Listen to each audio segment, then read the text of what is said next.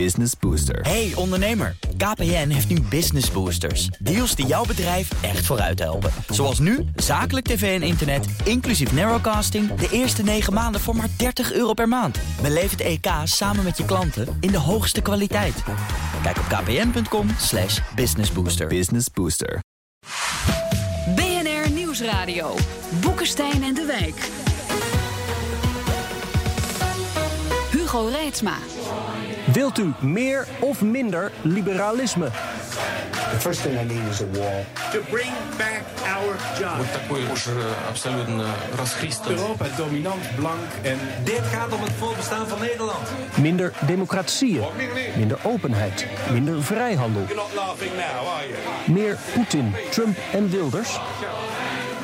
Boekenstein en de Wijk op zoek naar de illiberale wereldorde. Deze uitzending wordt mede mogelijk gemaakt door George Soros, de elite en het partijkartel. Welkom bij Boekenstein en de Wijk, met in de studio. De ouverture uit Naïs van Rameau is overrompelend. En zonder anchovis verliest de Italiaanse keuken slagkracht. De elite herkent men aan zijn tweets. Arend Jan Boekenstein. En vanuit Frankrijk namens het geheimgenootschap dat stiekem pleit voor een open samenleving, Rob de Wijk.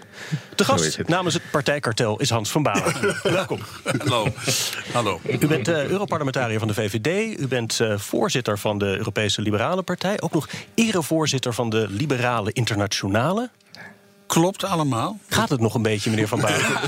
uh, uh, nee, dat gaat goed. Uh, erevoorzitter, dat ben je. Daar hoef je niet veel voor te doen. Daar Oh, heb je iets voor gedaan. Waar ik wel mij enorm op richt, is natuurlijk het partijvoorzitterschap van de Europese Liberalen.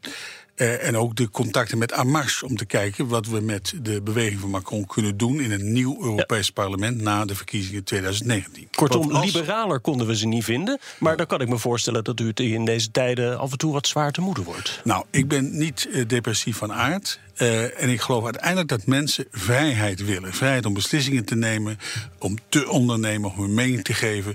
Dus illiberalisme, hè, dat is het woord van Viktor Orbán, maar dat staat ook op Erdogan, Poetin, uh, eigenlijk ook een beetje op Trump, op China. Dat zijn toch bewegingen van voorbijgaande aard. Ah. Nou, liberalisme heeft ook optimisme tot plicht, uh, toch? Wij kunnen niet anders nemen, maar ja. de mens wil vrij zijn. Ja. Rob, uh, jij komt tot ons vanuit Frankrijk. Geen slechte plek, lijkt ja. me om een beetje te somberen over het wereldgebeuren. Nee, in ieder geval ben ik vrij hier. Ja. dat is fijn. nee, maar nee, ja, ik, ik weet niet. Wat Hans van Balen net zei: van uh, mensen willen vrij zijn. Maar hoe verklaart hij dan dat uh, de afgelopen tien jaar de vrijheid in de wereld volgens Freedom House, dat is een uh, geweldig onderzoeksinstituut die dat allemaal nauwkeurig bijhoudt, voor de tiende achtereenvolgende jaar uh, achteruit is gegaan. Minder dan de helft van uh, de wereldburgers is op dit ogenblik onvrij. En dat gaat me door. Het gekke is uh, dat er dus ook gebeurt met instemming veelal van die burgers. Wat is hier dan aan de hand, Hans? Wat je hebt gezien, dat is eigenlijk in de periode van Reagan en Thatcher... niet echte liberalen, maar wel voor een hele vrije markt, een totaal vrije markt... zijn mensen zekerheden kwijtgeraakt, zeker met de bankencrisis... Uh, mensen weten niet waar ze aan toe zijn, uh, begrijpen ook vaak, en dat is hen niet te verwijten, hoe internationaal bijvoorbeeld de monetaire samenwerking is, de financiën, welke zekerheden heb je nog. Dus uh, het is mensen erg moeilijk gemaakt. Uh, mensen zien via internet, uh, kunnen ze alles zien en alles denken te weten. dus men is een anker kwijt. En liberalisme betekent niet Wild West. dat betekent niet het primaat van bankinstellingen en financiële instellingen zonder enige rem. Arjan, wij kunnen met dit mooie thema in de uitzending eigenlijk de hele wereld beschouwen. Waar, waar zullen we eens beginnen? Nou, laten we kijken. Voor liberalen zijn het zware tijden. Hè? Ik bedoel, Oost-Europa zit de rechtsstaat een beetje af te breken. En Trump is, is het internationale handelsverkeer aan het uh, ondermijnen. Laten we maar met Trump beginnen, want dat is eigenlijk het allerergste, lijkt me ook het meest uh, uh, nijpende. De, deze week zijn er interessante dingen gebeurd. De EU is, is, ontzettend verweven met zowel China als met uh, Amerika. Maakt het dus ook een hele moeilijke positie. BMW's worden met name, met name in Amerika gemaakt. Hm. En die BMW's gaan naar China toe. Moet je even voorstellen hoe lastig dat allemaal ja. is. Hè? Maar goed, EU is natuurlijk ontzettend uh, kwaad dat uh, Trump niet naar de WTO is gegaan. Dat, dat je niet zo'n dat je een instituut niet eerbiedigt. Hè? Want we, we, willen graag een regelgeleide internationale samenleving. Nou, wat is er gebeurd?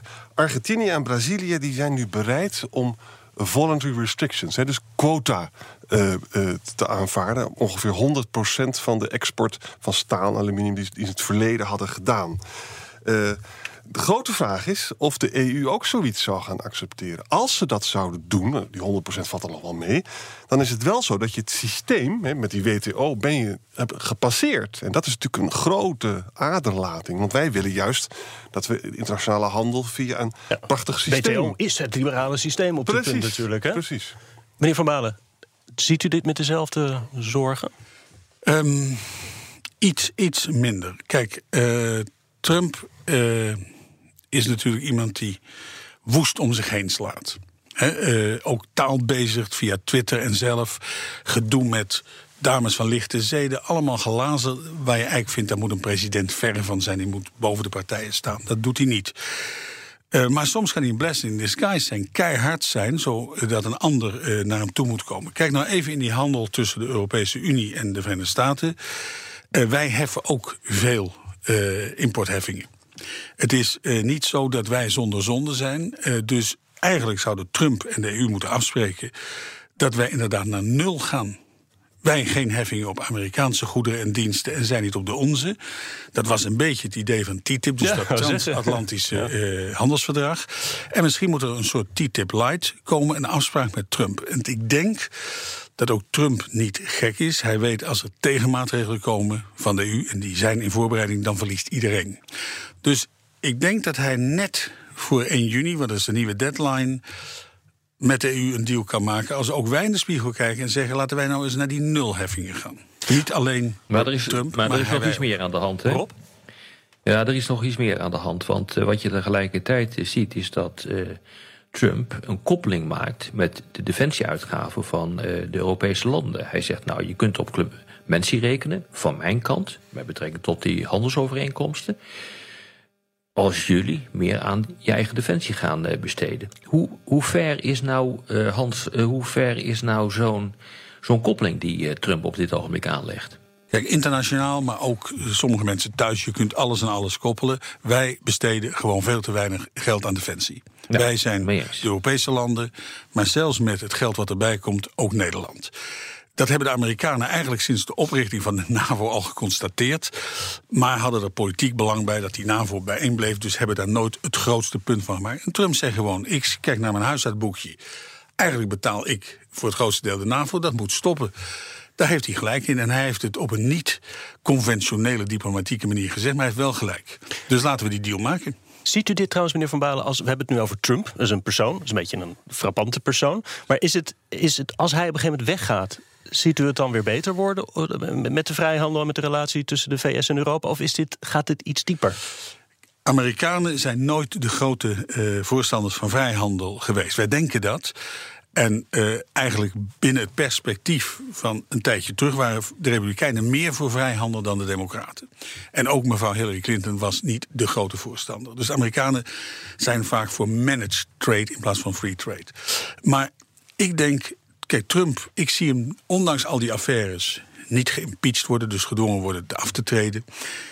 En ik sluit helemaal niet uit dat hij misschien nog een termijn krijgt. Je weet het niet. Dus moet je met hem zaken zien te doen. En dan met het Amerikaanse congres. Waar veel gematigde republikeinen in zitten. Eh, want hij bestaat nu eenmaal Trump. En dan moet je zaken doen. Het heeft geen zin je neus op te halen. Wat ik misschien ook wel eens doe. Dat ik denk, oh, wie staat daar? Zaken doen. En eh, de Franse president Emmanuel Macron heeft begrepen. Grote parades, hè, daar heeft hij eh, Trump voor uitgenodigd destijds.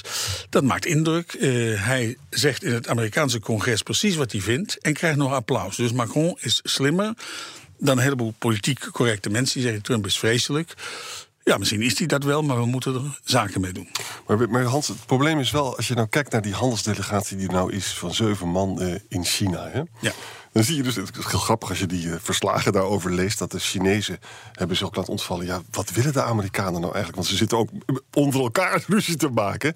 Chinezen weten gewoon, wij weten trouwens ook niet wat Amerika precies wil. Dat weten we niet precies. En maar wat wil China? Kunnen we daar eens even naar kijken? We hebben de hele wereld tot onze beschikking, hè, deze uitzending. Eh, was het niet Davos waar eh, Xi Jinping zich bij ontstentenis van de Amerikanen opwierp als de grote eh, bevechter van de vrijhandel? Moeten we dat zo gaan Nee, zien? Dat moeten we natuurlijk niet geloven. Want wat je ook van China kunt vinden, is een belangrijk land, eh, een wereldmacht. Uh, maar het is een onvrij land. Uh, ook de huidige president van China heeft nu gedaan gekregen dat hij eigenlijk onbeperkt hm. president kan blijven. Wat daarvoor niet zo was.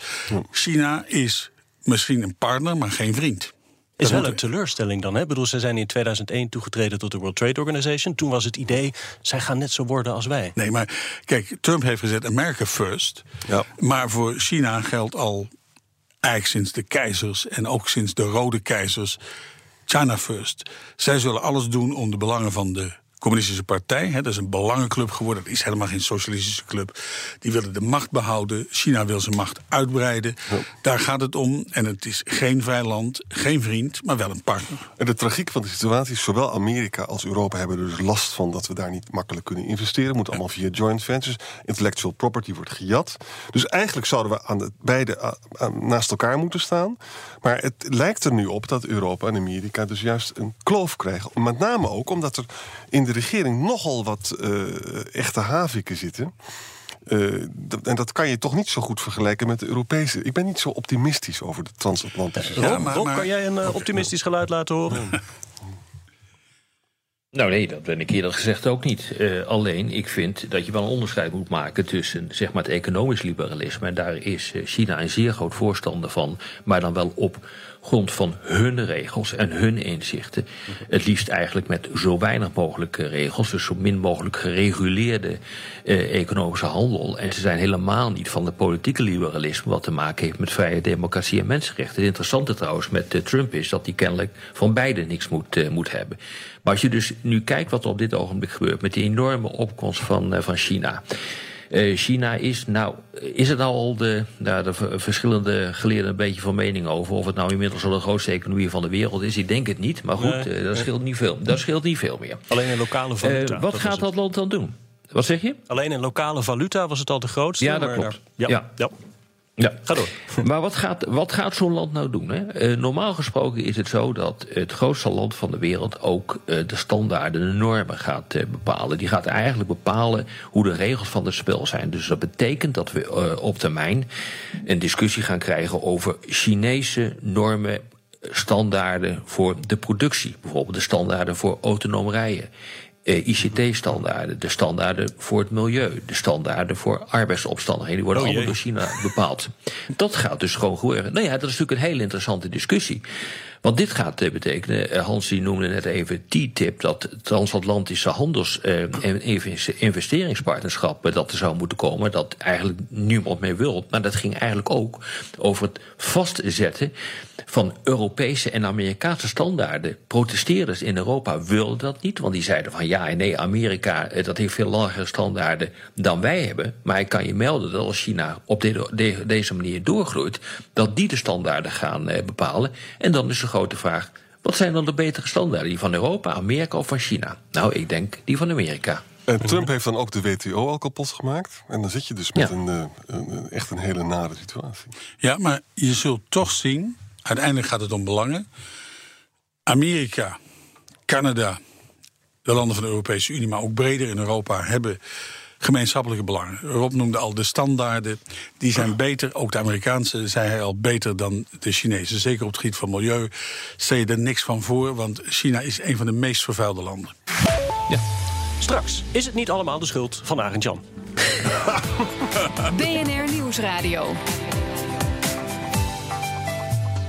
Boekenstein en de Wijk. Op zoek naar de nieuwe wereldorde. Dit is Boekenstein en de Wijk. En dat programma is natuurlijk niet zonder Arjan Boekenstein en Rob de Wijk. Onze gast is VVD-Europarlementariër Hans van Balen. En ik ben van de mainstream media. In Nederland, België, Duitsland, Engeland, Frankrijk, Amerika... ik kan zo nog wel even doorgaan, zetten veel mensen zich af... tegen de liberale wereldorde, omdat ze het er niet mee eens zijn. Misschien ook omdat het in hun nadeel werkt. Meneer van Balen. Nou, voor de burger is een liberale economie een blessing. Eh, positief. Dat levert geld op en banen op. Alle zogenaamde georganiseerde economieën, politieke economieën, gaat het slecht mee. Uh, dus als je kijkt naar de economie, zeg ik het Amerikaanse, het Europese model, ze wijken iets af, maar zijn de beste modellen om uiteindelijk geld te verdienen en dat je ook kan uitgeven ook aan ziektekosten, et cetera. Uh, als je nu kijkt naar de Europese begroting, er is een hele discussie over, er is net het ontwerp door de commissie gepresenteerd heeft de commissie een enorme kans voorbij laten gaan. Want Groot-Brittannië stapt eruit. Ik denk dat dat helaas een feit wordt. Uh, dus je zou zeggen, één land eruit, dan wordt die begroting kleiner. Je moet het oude landbouwbeleid inruilen voor innovatie, research development, dat soort zaken. Uh, ook gemeenschappelijk uh, markt voor defensieproducten, allemaal dat soort zaken. En de commissie heeft eigenlijk gezegd: we kunnen nauwelijks bezuinigen op het oude beleid, wat helemaal niet meer nodig is, maar er moet geld blijven voor het nieuwe beleid. Dus een hogere begroting. De Fransen zelf zeggen: we moeten nog een grotere begroting hebben, nog hoger, want dan kun je de economie beïnvloeden. Nou, dat is geen liberaal standpunt. Uh, daarnaast wordt eigenlijk de uh, begroting gebruikt voor een politiek doel landen van Midden- en Oost-Europa die niet voldoen zeg maar, aan de rechtsstaat, aan de standaarden van de rechtsstaat, zoals Polen, waar het slecht gaat, en, en Hongarije. En ook Roemenië is een probleem. Maar dan zeg ik, wat ga je dan doen dadelijk? Er is een landbouwbeleid met subsidies, dus je gaat zeggen, Poolse boeren, omdat hun regering zich slecht gedraagt, gaan we Poolse boeren straffen. Iedereen die dan denkt, nou dan gaan die Poolse boeren te hoop lopen tegen de Poolse regering, nee, die gaan te hoop lopen tegen de Europese Unie en tegen het landbouwbeleid. Dus het is heel onverstandig om de begroting te gebruiken om landen te disciplineren op het gebied van de rechtsstaat. Gaat contraproductief werken. Het zit er allemaal in.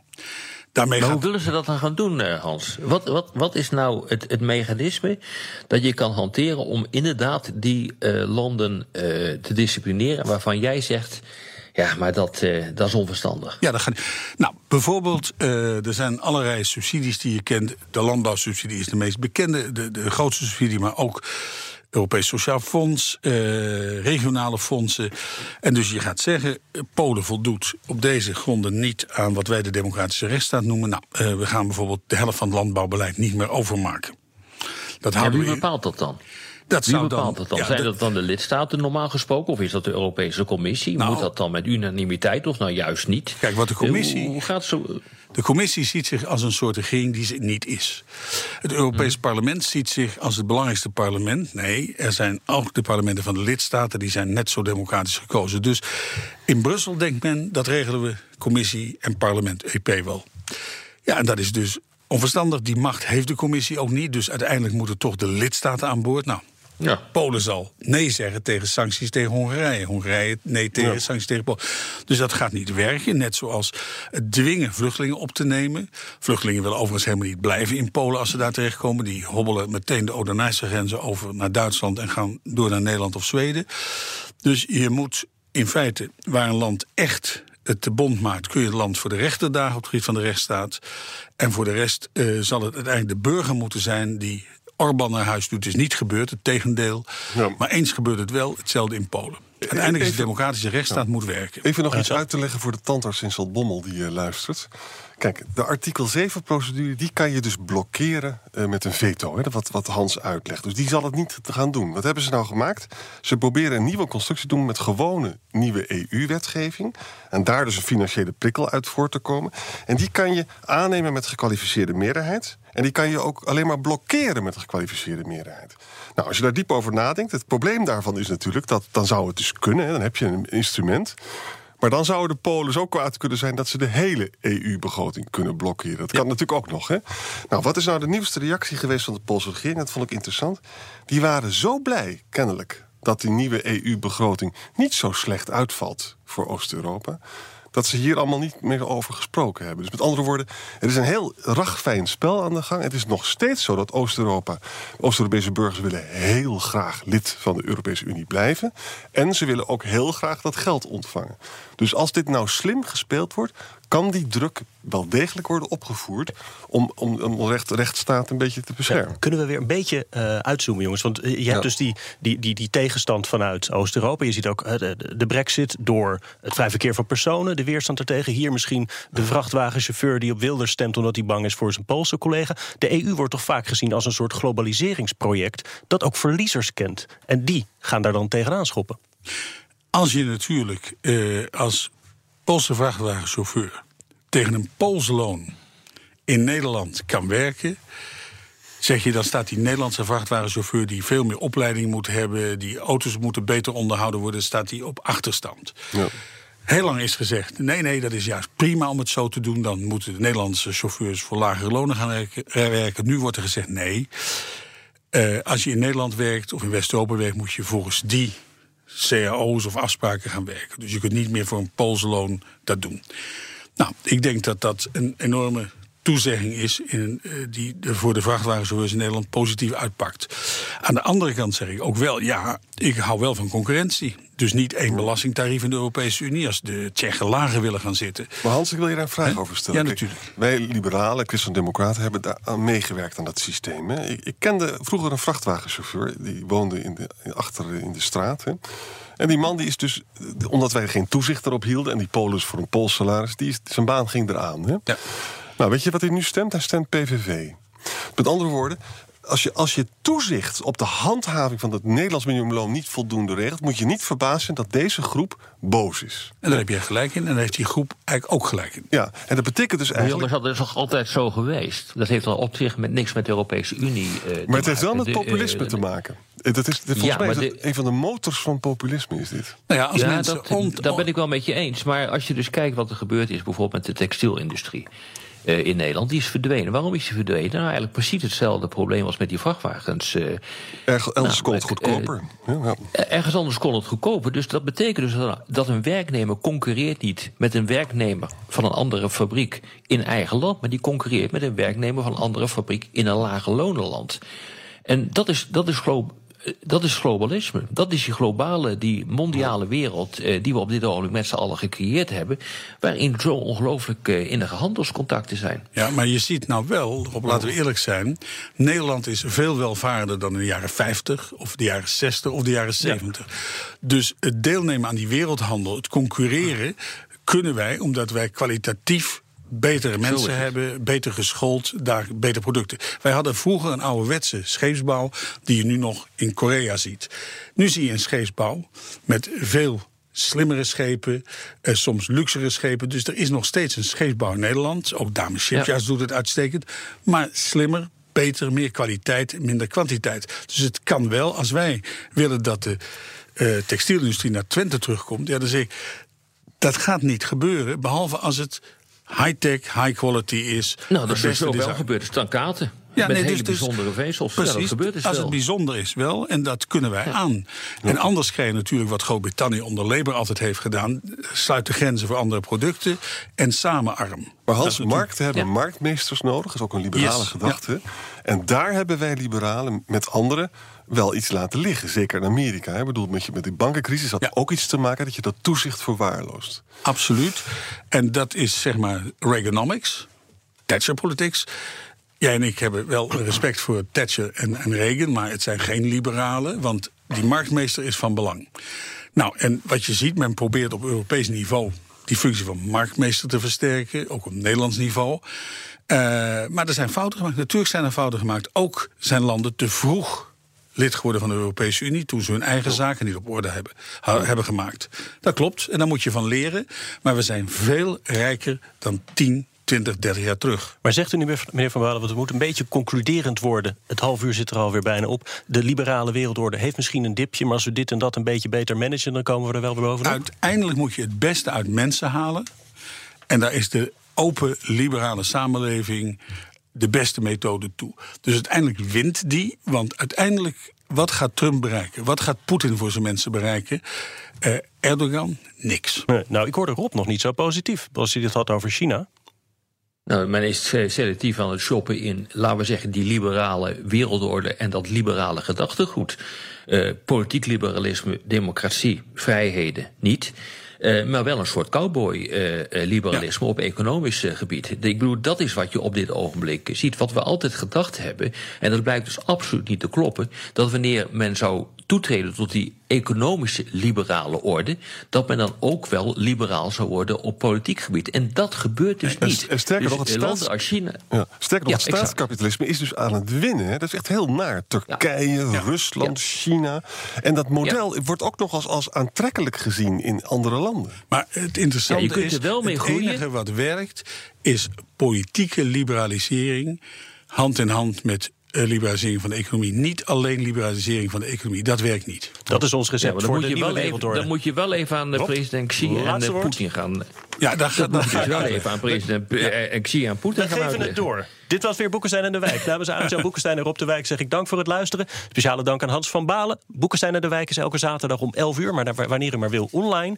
Abonneert u zich op de podcast en laat in iTunes weten wat u vindt. En dat doen mensen toch weer, Arend-Jan? Ja, Ik heb weer drie eh, opmerkingen waar vast heel veel geld voor betaald is. Rutger, de heren hebben duidelijk zelf plezier in... en dat maakt het ook leuk om naar te luisteren. En hier, Mr. Know-It-All.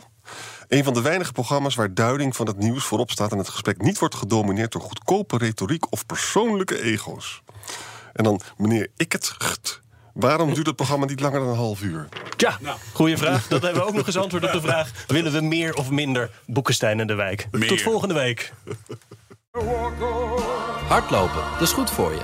En Nationale Nederlanden helpt je daar graag bij. Bijvoorbeeld met onze digitale NN Running Coach... die antwoord geeft op al je hardloopvragen.